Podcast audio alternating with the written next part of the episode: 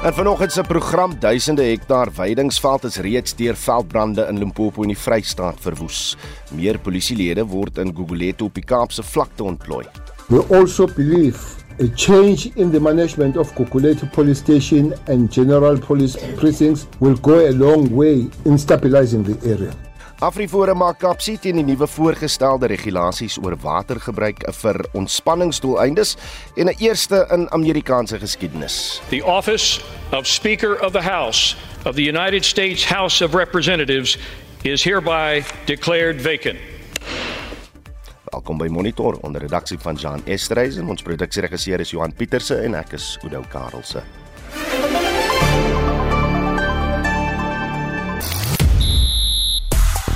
Tuisspanne sukkel erg op die sokkerveld. Die topgekeerde manspeler by die China Ope word uitgeskakel. Reën affekteer 'n groot deel van wedstryde voor die begin van die Cricket Eendag Wêreldbeker toernooi in Indië en Dr Kenneth Kaunda neem die voortou in die nasionale netbalkampioenskap in Rustenburg. Ek is Shaun Schuster vir RSG Sport. In Suid-Afrika sukkel ons as dit kom om die jeug te oortuig om te registreer om aan verkiesings deel te neem. Nou ons jeug verteenwoordig 35% van die bevolking, maar dit word nie by die stembus gereflekteer nie. En as die jeug nie stem nie en word ook nie in magsposisies verteenwoordig nie, dan word ons politici net al hoe ouer. So ons wil vanoggend weet, wat is die beste manier om jong mense se stem in die politieke diskurs te kry deur deel te neem aan ons verkiesings? Deel jou voorstel deur 'n SMS te stuur na 45889. Dit kos jou R1.50 per boodskap. Jy kan ook lekker saamgesels om uh, om of deur 'n WhatsApp stemnota te stuur na die nommer 0765366961.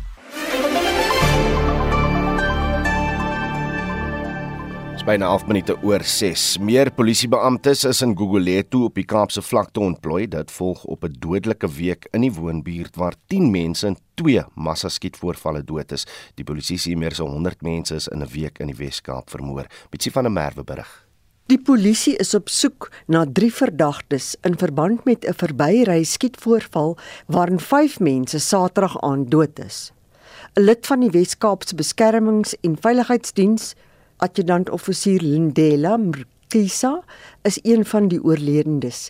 Die polisie is op die spoor van sewe verdagtes in verband met die skietery op 5 mans op die 25ste September. Die minister van polisie, Bekkie Cele, sê meer polisielede word na Gugulethu ontplooi.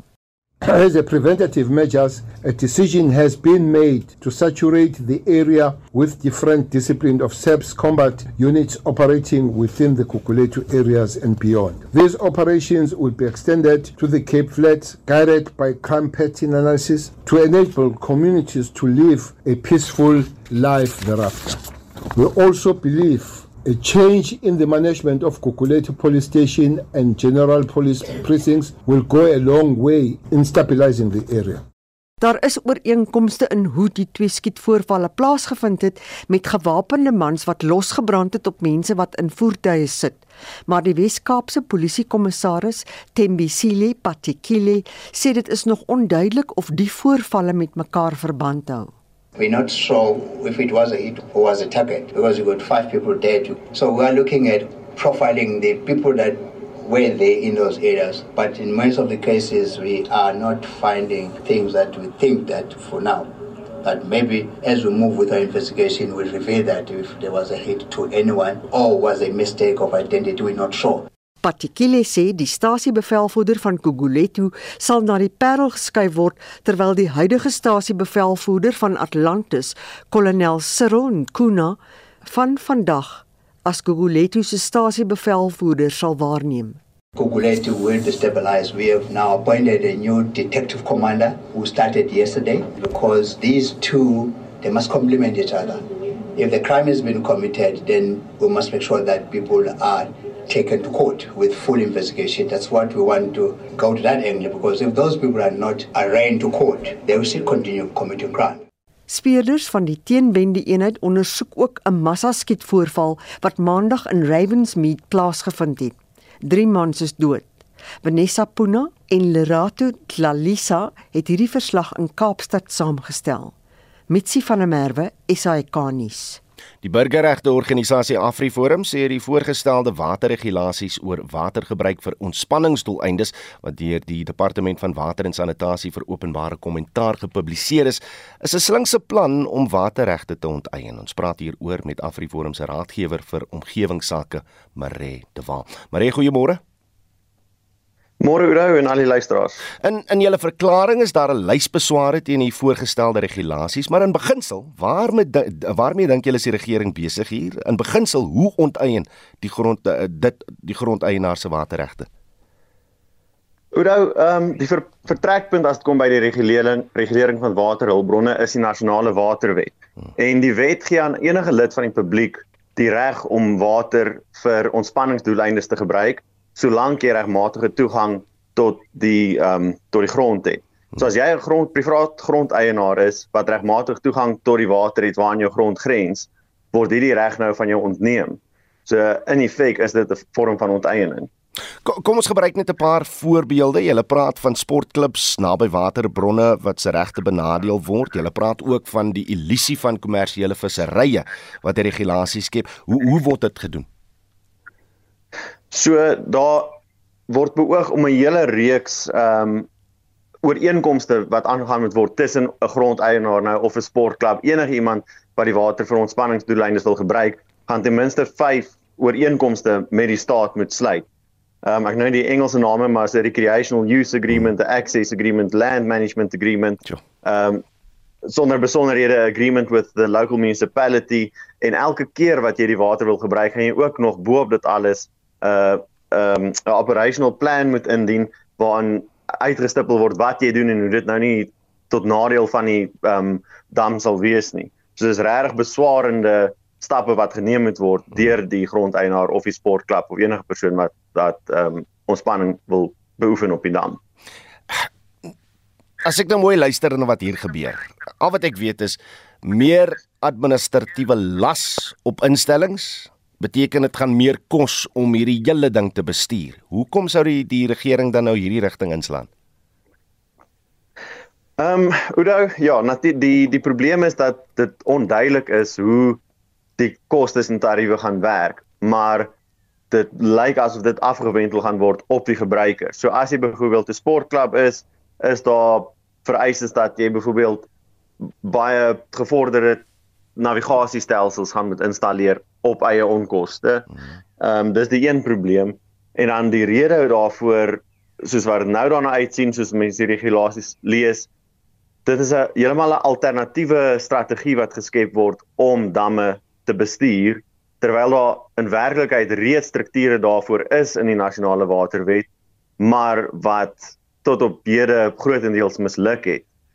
Ehm um, so dit lyk soos 'n strategie om aandag van daardie mislukking af te lei en 'n alternatiewe strategie te te skep wat nie net uh buite magte is van wat die wat die minister van waterwese mag doen nie, maar hy beweeg ook nou oor in 'n funksionele area en terreine wat wat ook nie binne sy magte val nie. Dit is nie sy werk om toerisme en sportklubs en ontspanning te te bestuur nie.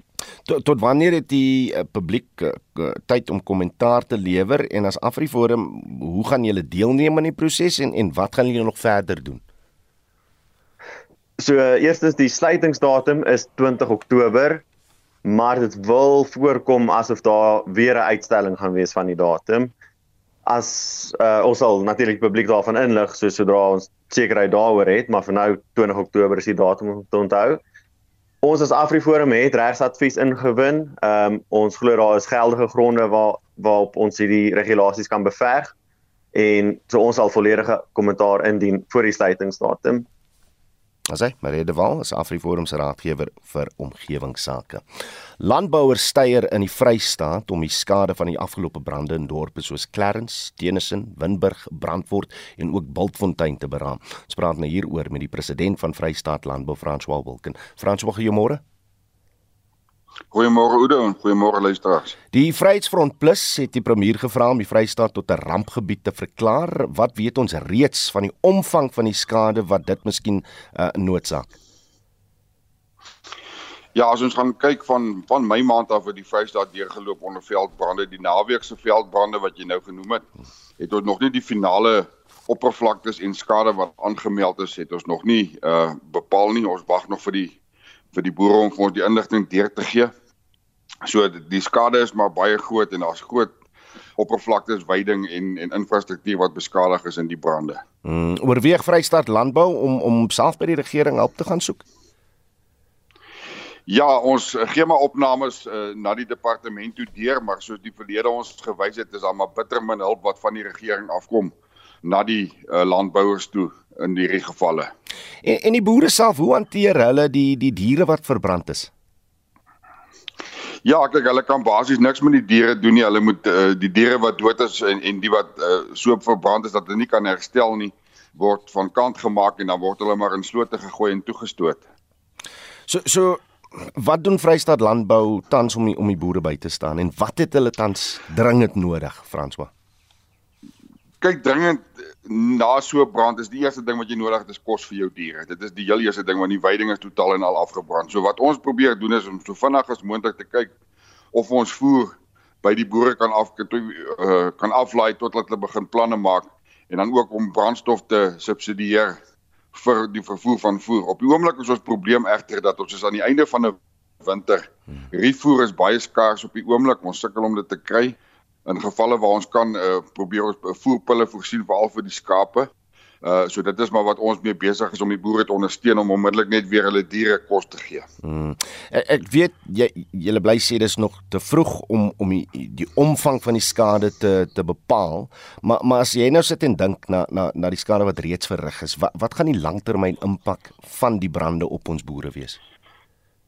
Ja, ons moet weet uh die die die die brand vernietig die veiding. Dit is die eerste ding wat hy vernietig. Maar daar's baie goed wat bykom. Die infrastruktuur word ver, uh vernietig. Uh die heininge word afgebrand en dis baie duur om heininge te herstel. In sommige uh, gevalle word die watervoorsiening na die diere toe beskadig. So uh wat ons nou baie dringend nodig het is dat dit moet reën, dat die veld net weer kan begin uitloop. So die impak van so 'n brand is nie net na die brand nie. Dit gaan vir jare voort want die veiding moet herstel word. Boere moet in sommige gevalle moet hulle veekuddes verklein om net weer hulle veld te laat herstel om weer voluit te kan boer wat 'n groot finansiële impak op die boere het. So ek gaan eindig daar waar ek begin het. Uh, ek gepraat van Vryheidsfront Plus wat die premier gevra het om Vrystaat tot 'n rampgebied te verklaar. Ehm um, julle as organisasie Vrystaat Landbou is is julle van mening dat dit dat dit ook moet gebeur. Ja, as die, uh, hulle die Vryheid as 'n rampgebied verklaar, sal dit goed wees want dit uh, maak weer fondse beskikbaar om die boere te help in hierdie brandgetuigde gebiede, maar die geskiedenis soos ek gesê het, het ons gewys dat uh, die departement gaan deur die prosesse, maar die hulp wat op die ou einde by die boere uitkom, soms is dit eers 2, 3 jaar na die brande wat dit by die boere uitkom en die hulp is eintlik nou onmiddellik nodig. So ons hoop dat as hulle ons 'n rampgebied verklaar, hulle vinnig sal optree om die boere nou by te staan. Fransja Wilken is die president van Vrystaat Landbou. Baie dankie vir jou tyd hier op Monitor. Ons bly by die onderwerp in uh, die Steenbokpan omgewing tussen Lepalale en Tabazimbi in Limpopo het minstens 10 plase afgebrand. Dit is na 'n brand Sondagmiddag ontstaan het. Ons praat nou met die bestuurshoof van Agri Limpopo, Deedrey Kater wat op die lyn is saam met ons. Deedrey, goeiemôre. Haai, goeiemôre Oude en goeie en uh, goeiemôre aan die luisteraars. Is die brand waarvan ek nou net gepraat het nou reeds geblus? Ja, die brand is uiteindelik na so na, net na 6 gisteraan finaal geblus nadat hy Sondag 12 uur begin het en met 'n sterk westelike wind en grade van oor die 40s het hy ehm um, jy weet bly opkom maar hy is nou finaal geblus. Wat is die oorsaak dat die brand so vernietigend is? Man ons jy weet ons het 'n totaal van 15 plase wat gebrand het waarvan daar 9 totaal afgebrand het en in terme van veiding ehm um, het jy weet en ons praat van dan jy weet twee wat al die geboue en die hulle hulle lodges verloor het. Um as ons kyk na jy weet trekkers, voertuie en dan ja, jy weet dit is daar baie wat verloor was. Tot tot watter mate is infrastruktuur op die plase nou vernietig? Man as ons kyk na infrastruktuur infrastruktuur dan is dit jy weet dan is dit absoluut soos ek gesê het ons het ehm um, twee plase waar al die geboue ehm um, vernietig is asook lodges. Ehm um, ons het 6 wat gedeeltelik afgebrand is. Met ander woorde daar's nog so 50 of 30 hektaar oor. Ehm um, maar ja, dit was werklik vernietiging met met trekkers en voertuie en alles wat vernietig is. Kon, kon jy al persoonlik met die boere wat geraak is skakel en en wat was hulle reaksie? Ja, nee, ons het geskakel met die boere direk. Ek is op hierdie stadium, ek is nou so 45 minute van hulle af en dan sal ons ook tyd gaan spandeer met hulle vandag en net jy weet die ehm um, die hele situasie net opsom om te kyk hoe dit is, maar die met die skade is bitter groot. Ehm um, ons praat van op die een plaas is daar ten minste 27 bonsmara stoetkoeie en 13 kalvers wat dood is op die een plaas ontsettend baie wild en sluitende kameelperde, ons het elande, zebras, um, wildebeeste, rooi hartbeeste, blesbokke. Dis 'n bitter hartseer storie. storie. En, en watter hulp het daai boere nou nodig? Op hierdie stadium eerlikwaar as ons kyk waar daar gebrand word soos wat Fransman nou gesê het, um, ons het ons het reën nodig. Uh, maar die reën is meer vir die droogte gebiede waar die waar weiding gebrand het kan dit tot 3 jaar vat vir daai weiding om terug te kom waar dit bewy kan word. Um voer is bitter skaars op hierdie stadium so ons het voer nodig ons het um vervoer nodig want dit is ook 'n probleem. Ons het byvoorbeeld boere wat sê hoorie maar ons het vir hulle bale of ons het vir hulle katoen. Um maar dit is ver jy weet dit is ver van waar ons is so met die gevolge is dit is 'n krisis nou om ook vervoer te kry om dit te vervoer. Deidre Carter, dankie vir jou tyd op Monitor. Sy is die bestuurshoof van Agri Limpopo. Wêreldnuus. Es die Klerk sluit dan by ons aan vir wêreldnuus en ons begin met nuus uit die FSA dat die Republikein Kevin McCarthy as spreker van die Huis van Verteenwoordigers uit die kussings gelig is. En is die eerste keer Oudo dat 'n Amerikaanse spreker al ooit uitgestem word. Verteenwoordigers sal nie weer tot volgende week vergader om 'n nuwe spreker te verkies nie en McCarthy het reeds aangedui hy sal homself nie weer beskikbaar stel nie. My fear is the institution fell today because you can't do the job if eight people, have, or 96% of your entire conference, but eight people can partner with the whole other side, how do you govern? En dit is Kevin McCarthy. Daar's nog geen aanduiding wie hom sal vervang nie en Republikeine sal vir nou huis toe keer wat beteken die huis van verteenwoordigers word inderwaarheid tot stilstand gebring. Die Republikein Matt Gaetz het die mosie teen McCarthy ingestel en sewe ander Republikeine het saam met 200 Demokrate teen McCarthy gestem. Een van die Republikeine wat teen McCarthy gestem het, was Ken Buck. The major problem we've had is that we have to pass 12 appropriations bills. And we have, up until last week, we had passed one appropriations bill. We passed three last week. The promise from the Speaker when he became Speaker was that we would pass 12 by September 30th, negotiate with the Senate, and have a package ready for the President. That didn't happen. And I think a lot of people were frustrated over that. Eight people stood up and voted against Speaker McCarthy. I think there were others that had similar feelings that didn't feel they needed to do it because the vote was already already 216 to 210. En dit was die Republikein Ken Buck wat teen McCarthy gestem het. Die Republikein Don Bacon meen egter dit was die verkeerde skuif.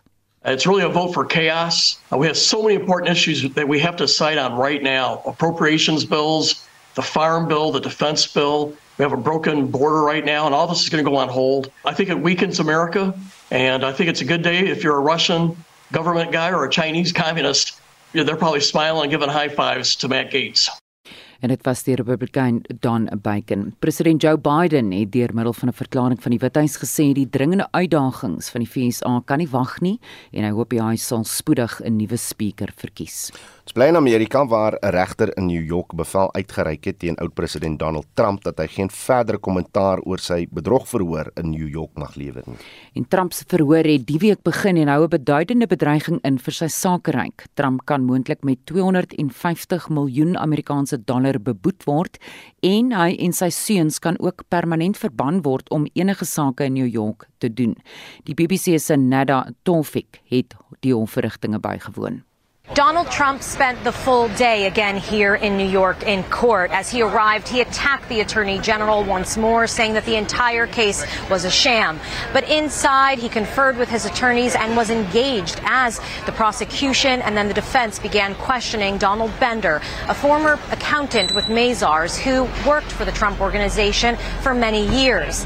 Now, Mr. Bender said it was up to the company officials to certify that the numbers they were giving Mazars was accurate. Now, there was a number of objections that the judge overruled from the defense's side, but for the most part, it was very stock standard question and answering. The real drama came outside of the courtroom when Donald Trump took to social media to attack the judge's clerk. Now, the judge then issued a gag order on the former president, telling him that he could no longer make personal comments about his staff and barring anyone else from doing so. Tofik het nadat die hof verdaag het aan Trump gevra of hy gaan getuig. Hierdie was sy antwoord. Yes, I will. At the appropriate time, I will be. I think it's going very well.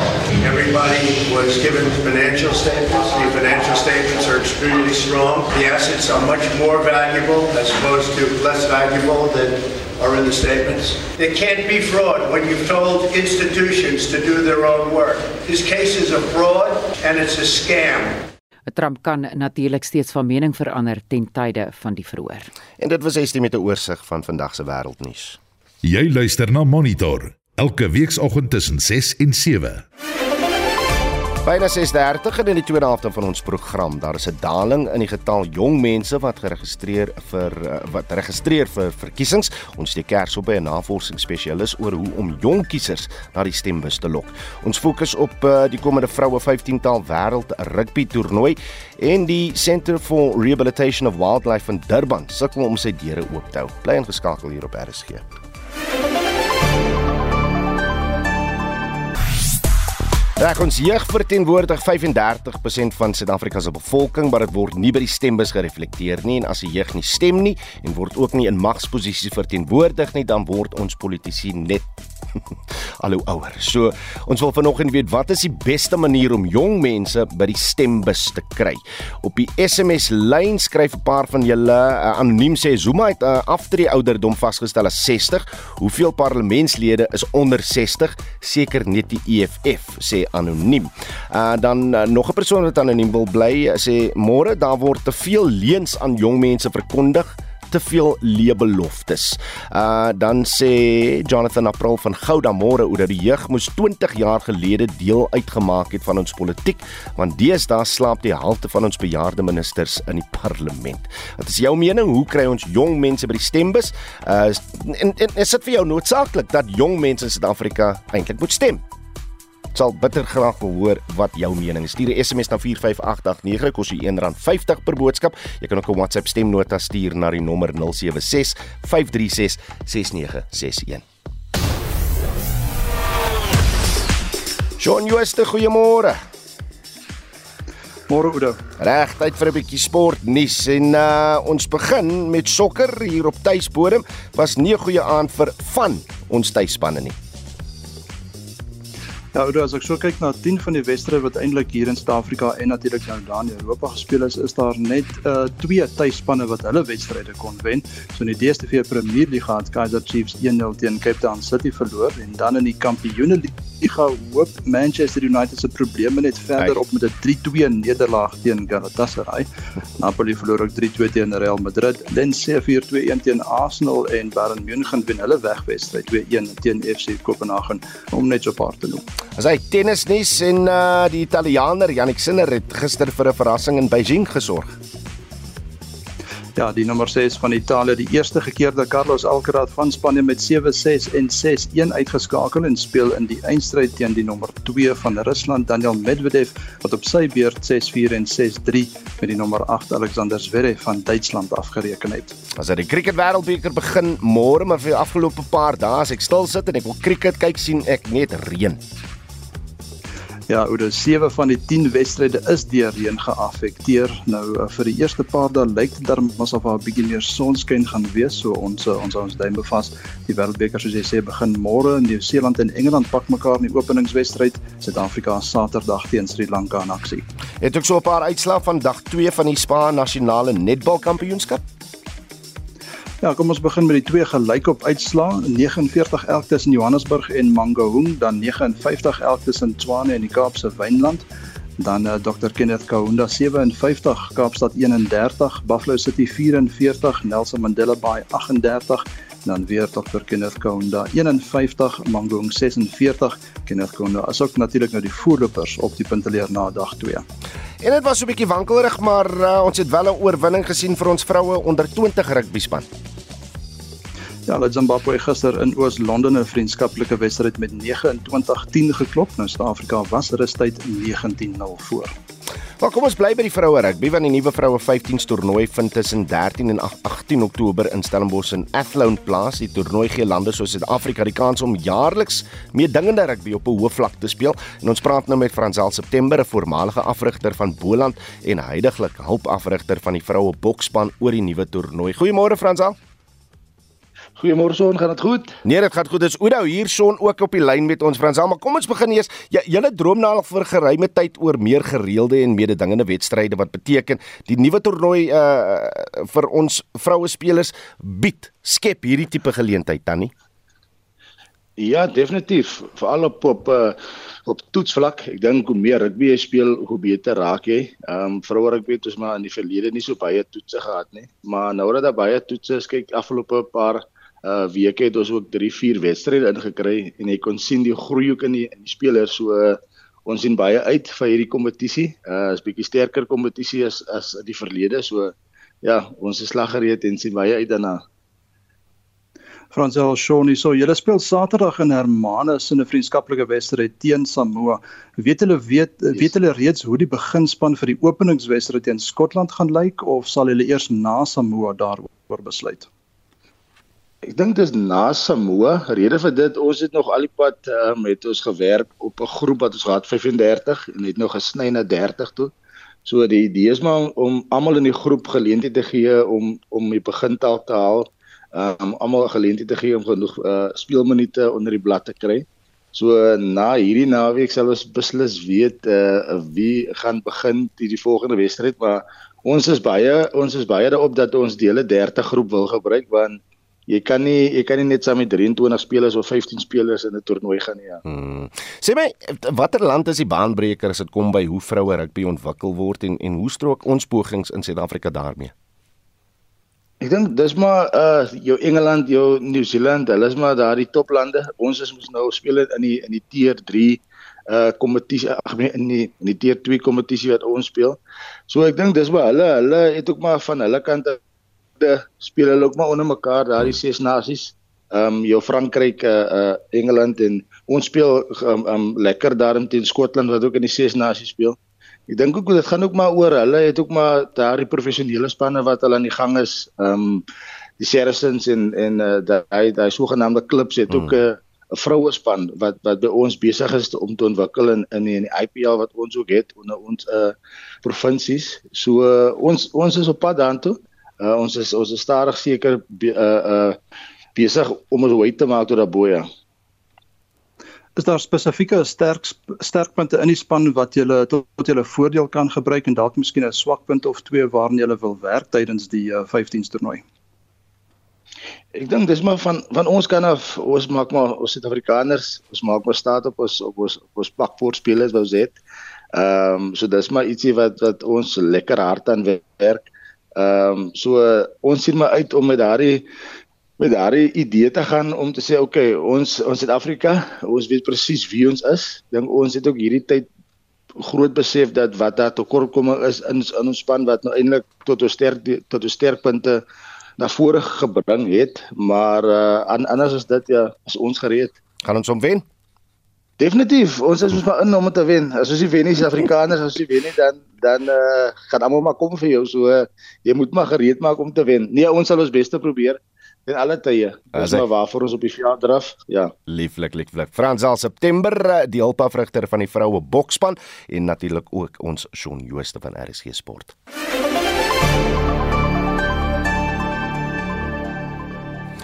In Suid-Afrika was dit ekonomies 'n moeilike week terwyl die Wes-Kaap die betekenisvolle skade van infrastruktuur of liewer aan infrastruktuur beraam midde die onlangse wydverspreide oorstromings het die voëlgriep-uitbreking die situasie vererger. Dit bring waarskynlik eier en hoendertekorte. Uh die omvang van die skade aan ons landboubedryf moet nog beraam word na talle verwoestende brande in ten minste twee provinsies. Hiermee saam kom die uitdagings van beerdkrag. En ons praat nou met die hoofekonoom van die Buro vir Ekonomiese Onderzoek oor die jongste verslag. Hugo Pinaar, goeiemôre. Uh, goeiemôre Udo en luisteraars. Jy net net vinnig verskoning vra vir my stem. Uh dis nou die uh verandering van die seisoen so ongelukkig bietjie verkoue hierso. Daar's die fout. Daar's glad die fout met jou stem nie. Hugo, maar kom ons begin met waar daar wel fout is. Inflasie die afgelope maande was was laer gewees. Uh, hierdie gebeure waarvan ek nou in die inleiding uh, gepraat het, verwag jy dat dit enigsins 'n verandering in die verbruikersprysindeks kan bring? Bedoel ek dink mens moet dit ehm um, sien saam met 'n paar ander verwikkelinge uh, en die vernaamste is waarskynlik die petrolprys. Hmm. So die petrolprys het in September uh, en veral diesel, dit was petrol maar maar nog meer so diesel uh, baie skerp gestyg en gisteraand het ons nou vir Oktober dieselfde gesien. Petrol uh, met hier rondom 'n rand uh, per liter op, maar diesel met amper 2 rand uh, per liter uh, op. So Die petrolkomponent van die VPI mandjie uh, gaan verseker uh, die oorhoofse inflasie 'n opdruk in in September en en Oktober. En dan uh, die rand uh, bly maar swak Um, en dan sit mense nou bo-op dit ehm um, definitief in dele van die land ehm um, nie so seer waar ek hier in die Wes-Kaap is nie maar mense met wie ek praat in die noorde hmm. en daar is plekke wat alreeds tekorte aan eiers ervaar en, en met gepaard gaande baie skerp stygings in uh, eierpryse. Ehm um, so ek dink binne die volgende maand of so as Statistiek Suid-Afrika hulle hulle opname doen, uh, gaan daai prysstygings in dele van die land waarskynlik ook uh, reflekteer word. So ja, dis 'n dis 'n mengelmoes van goed wat wat ongelukkig hierdie mooi verstadiging in die oorhoofse inflasie syfer die laaste paar maande. Um, ek dink dit of nie dink nie, dis redelik duidelik dat dit um, daai verstadiging uh, ten minste tydelik uh, gaan omkeer. En, en wat is die verwagting van uh, wat met die olieprys gaan beer uh, uh, gebeur oor die volgende maand? Ja, dit is altyd baie moeilik. Um, ons het nou uh, baie skerp toenames in die in die oliepryse gesien oor die afgelope maand uh, wat dan nou verantwoordelik is vir hierdie skerp of grootliks verantwoordelik is vir die skerp petrolprysstyging. Die laaste dag of so het ons gelukkig bietjie verligting gesien. Die, die pryse het nou weer redelik afgekom wat my net weer vir ons wys op op hoe wisselvallig uh, die die olieprys van dag tot dag uh, is. Ek sou daarmee dink dat die prys op 'n gemiddelde basis hoër gaan wees in Oktober as wat ons in uh, September uh, gehad het. Die so Ek dink die petrolprys gaan daal in in November, maar hopelik het ons al 'n bietjie stabilisering hmm. uh, in daai prys. Ek gebon op het uh, mediese fondse ook aangekondig dat hulle volgende jaar bydraes gaan verhoog. Hoe vergelyk dit met onlangse verhogings en en wat is die uitwerking op die einde van die dag op ons as verbruikers? Ja, dis nogal 'n belangrike komponent van die die VPI mandjie, um, veral aan die dienste kant van VPI. So wat ons gesien het in die in die COVID jare is dat die um, die siekefondse um, om bietjie verligting vir verbruikers te gee met hulle nommer 1 uh, die tempo waarteen hulle die mediese uh, op die siekefonds tariewe of die maandelikse bydraes waarmee hulle dit verhoog het, um redelik beperk en hulle het dit ook nie aan die begin van die jaar verhoog nie. Jy weet van die van die ouens het eers dit laat in die jaar uh, opgesit wat ook ook bietjie verligting gebring het. Maar wat ons nou gehoor het is dat um een van die heel grootste uh, siekefondse het gesê dat hulle gaan van 1 Januarie volgende jaar gaan hulle hierdie uh, bydraes met 7.5% uh uh laat toeneem. Ehm um, nou dit het tog 'n impak op mense VPI syfer vir vir 2024 want daar was 'n bietjie van 'n verwagting dat die ouens nog steeds volgende jaar ehm um, jy weet nou maar mense die die jaar beweeg eers hulle tariewe sou uh, sou opsit. So as jy nou hierdie 7.5 en jy maak 'n aanname dat van die ander siekefondse waarskynlik dieselfde sal doen, uh, dan druk dit nou ook jou jou jou syfer vir volgende jaar 'n hmm. uh, bietjie hoër. So Ja, dis nou maar net uh, jy weet verbruikers moet nou meer betaal vir vir brandstof, uh, rentekoerse, terugbetalings uh, is natuurlik hoër. Ehm um, en nou gaan ons meer vir uh, ons mediese fonds betaal as uh, definitief op die toename dan gaan heelwat meer wees as waar ons die laaste paar jaar uh, gewoond geraak het. So dis nou op die verbruikerskant en maar maar al hierdie goed wat jy nou genoem het, hoe gaan dit die regering se reeds benarde fiskale posisie raak? Ja, so daar daar moet mense eintlik kyk aan aan die een kant as as inflasie ehm um, hoër is en en en dit help ons nominale BBP met ander woorde as jy die volume van van BBP vat en jy en jy sit prysbewegings by dit dan is dit eintlik gewoonlik um, nie 'n slegte ding vir vir staatsfinansies as jy nominale BBP uh, eh, hoër is nie. Maar ek dink daar's definitief ander goed aan die gebeur wat wat ons staatsfinansies onder wesenlike uh, druk plaas en waarskynlik die vernaamste daar wel twee faktore. Die een is dat die ekonomie maar net uh, redelik vrot uh, presteer so maatskappy winste is onder druk. En veral in die mynbou sektor um, waar ons uitvoer kommoditeitspryse as mens kyk na platinum uh, byvoorbeeld en steenkool veral daai pryse het aansienlik gedaal oor die afgelope 12 maande. So die winste wat daai maatskappye nou bekend maak is, is baie laag. So die belasting wat hulle uh, betaal is is is dienoorkomstig ook laag. So die langer die kort is, die staat se inkomste uh, is onder druk en terselfdertyd is die uh, bestee die staat meer as wat in die Februarie begroting in die vooruitsig gestel is, veral omdat die staat se loonrekening baie hoër was uh, as as wat hulle gedink het. So as jy dit alles in 'n pot gooi, dan uh, lyk dit redelik onverwendbaar dat ons begrotingstekort as ons nou die sogenaamde mini begroting op 1 November um, bekend gemaak word dat die tesourier 'n baie swakker begroting op hoër uh, begrotingstekort uh, vir ons gaan gee vir die die huidige fiskale jaar. Rupinar is die hoofekonoom van die Buro vir Ekonomiese Ondersoek. Sê vir jou ook baie dankie vir jou tyd hier op Monitor. Kyk maar na die stem. Die Suid-Afrikaanse jeug verteenwoordig meer as 35% van ons bevolking en behoort ingesluit te word in die gemeenskap se demokratiese instellings. Tog skryf 'n akademikus, Noram Suya, dat die jeug in Suid-Afrika selfs minder stem as in ander dele van die wêreld.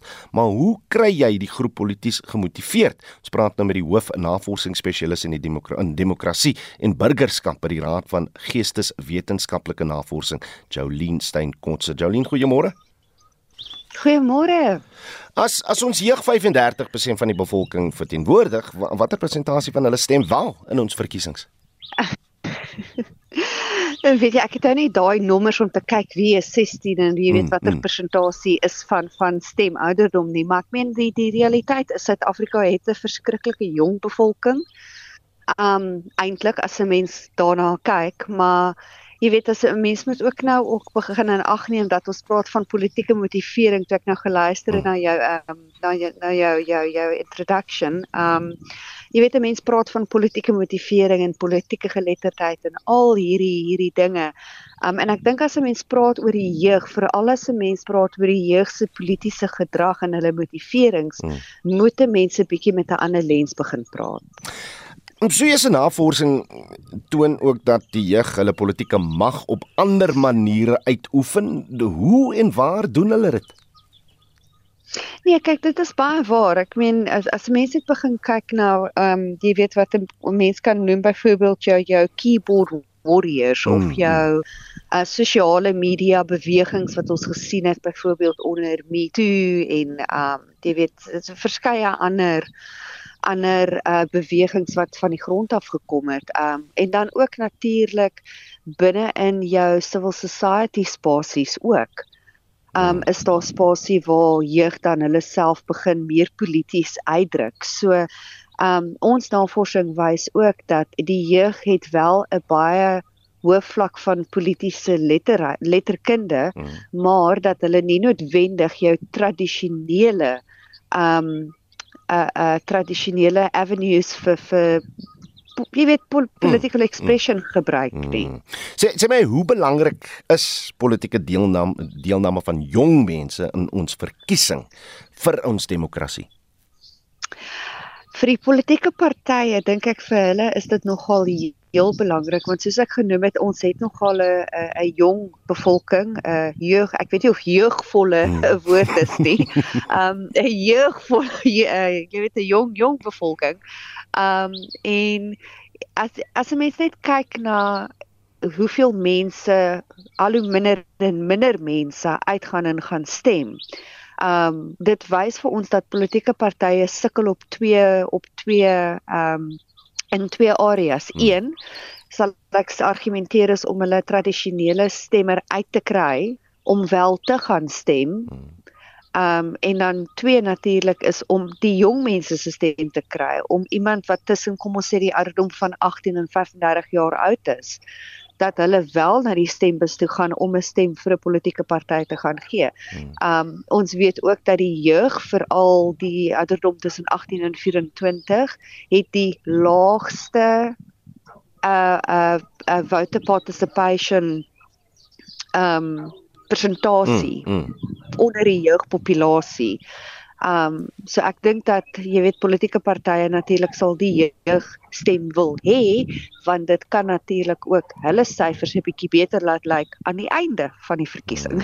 Ja, ek, ek, ek sien nou reeds uh sekere veldtogte deur van die politieke partye en ek kan nie terugdink aan 'n verkiesing in Suid-Afrika buite miskien die heel eerste demokratiese verkiesing nie want ek is oud genoeg om hom te onthou wat wat daar nie 'n reklame of bewussynsveldtog was wat spesifieke jeug teiken nie.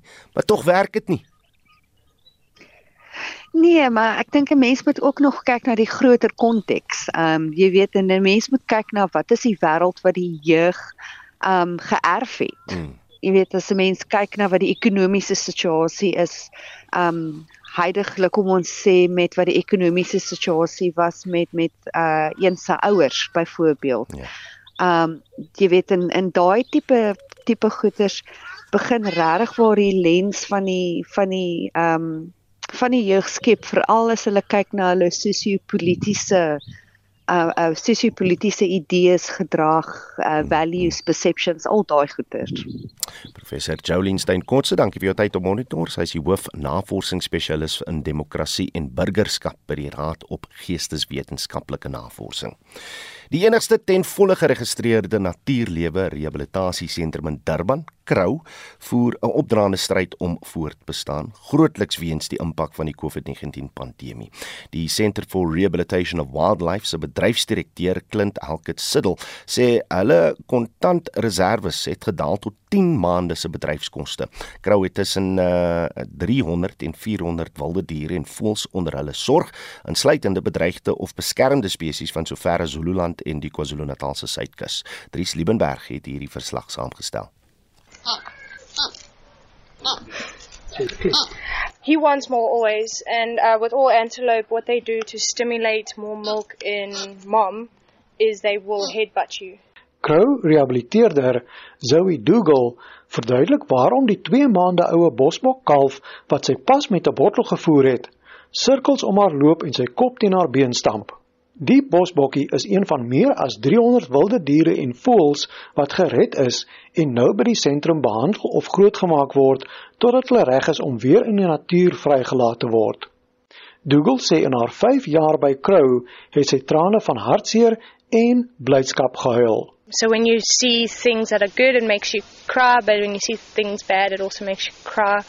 It's also very like heartwarming when you watch the animal you've worked on for months run back into the wild.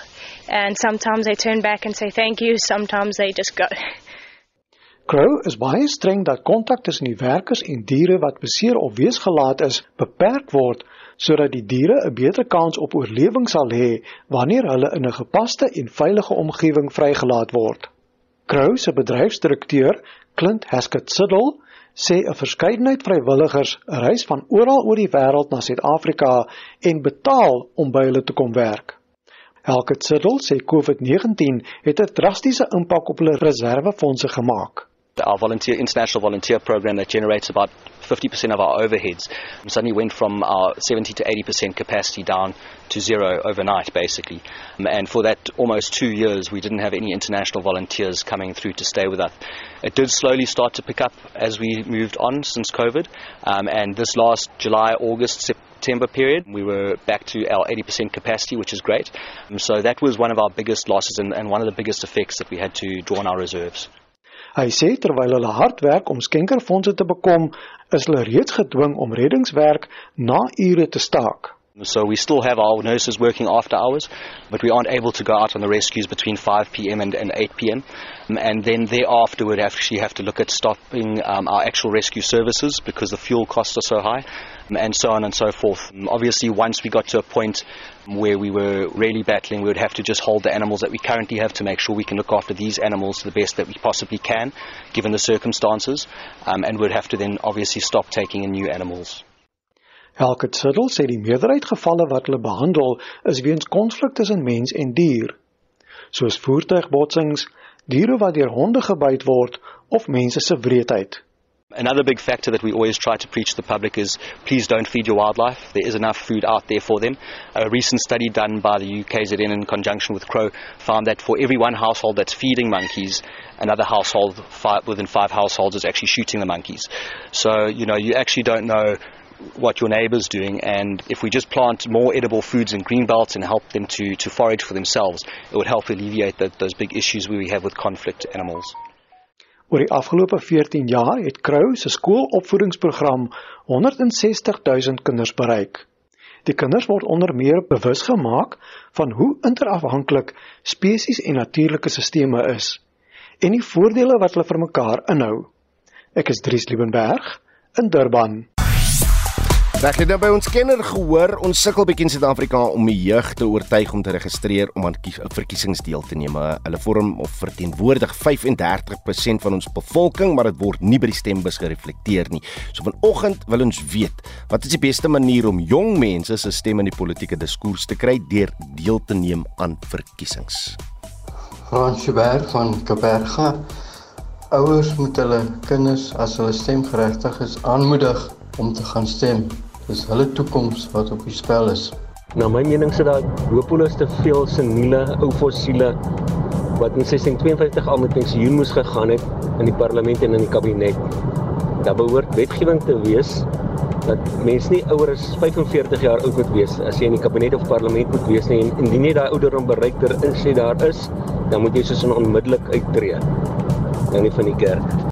Ja, baie dankie daarvoor. Seniele ou fossiele, se hitsmerk hy een. Miskien moet jy hom gebruik uh, om verder te gesels oor hierdie uh, kwessie. Uh nog 'n luisteraar sê my ouers het my van kleins af geleer dat om te stem jou verantwoordelikheid is teenoor jou land. Stel jou kind bloot aan die politieke wêreld en laat hom dink oor wat hom wil hê in hul toekoms gesels oor die sirkus en snaaksighede wat in die parlement gebeur, dit sal al gevoel van burgerlike trots en verantwoordelikheid versterk. Neem jou kind saam na die stembus en skep so 'n begeerte om ook iets te doen in die toekoms.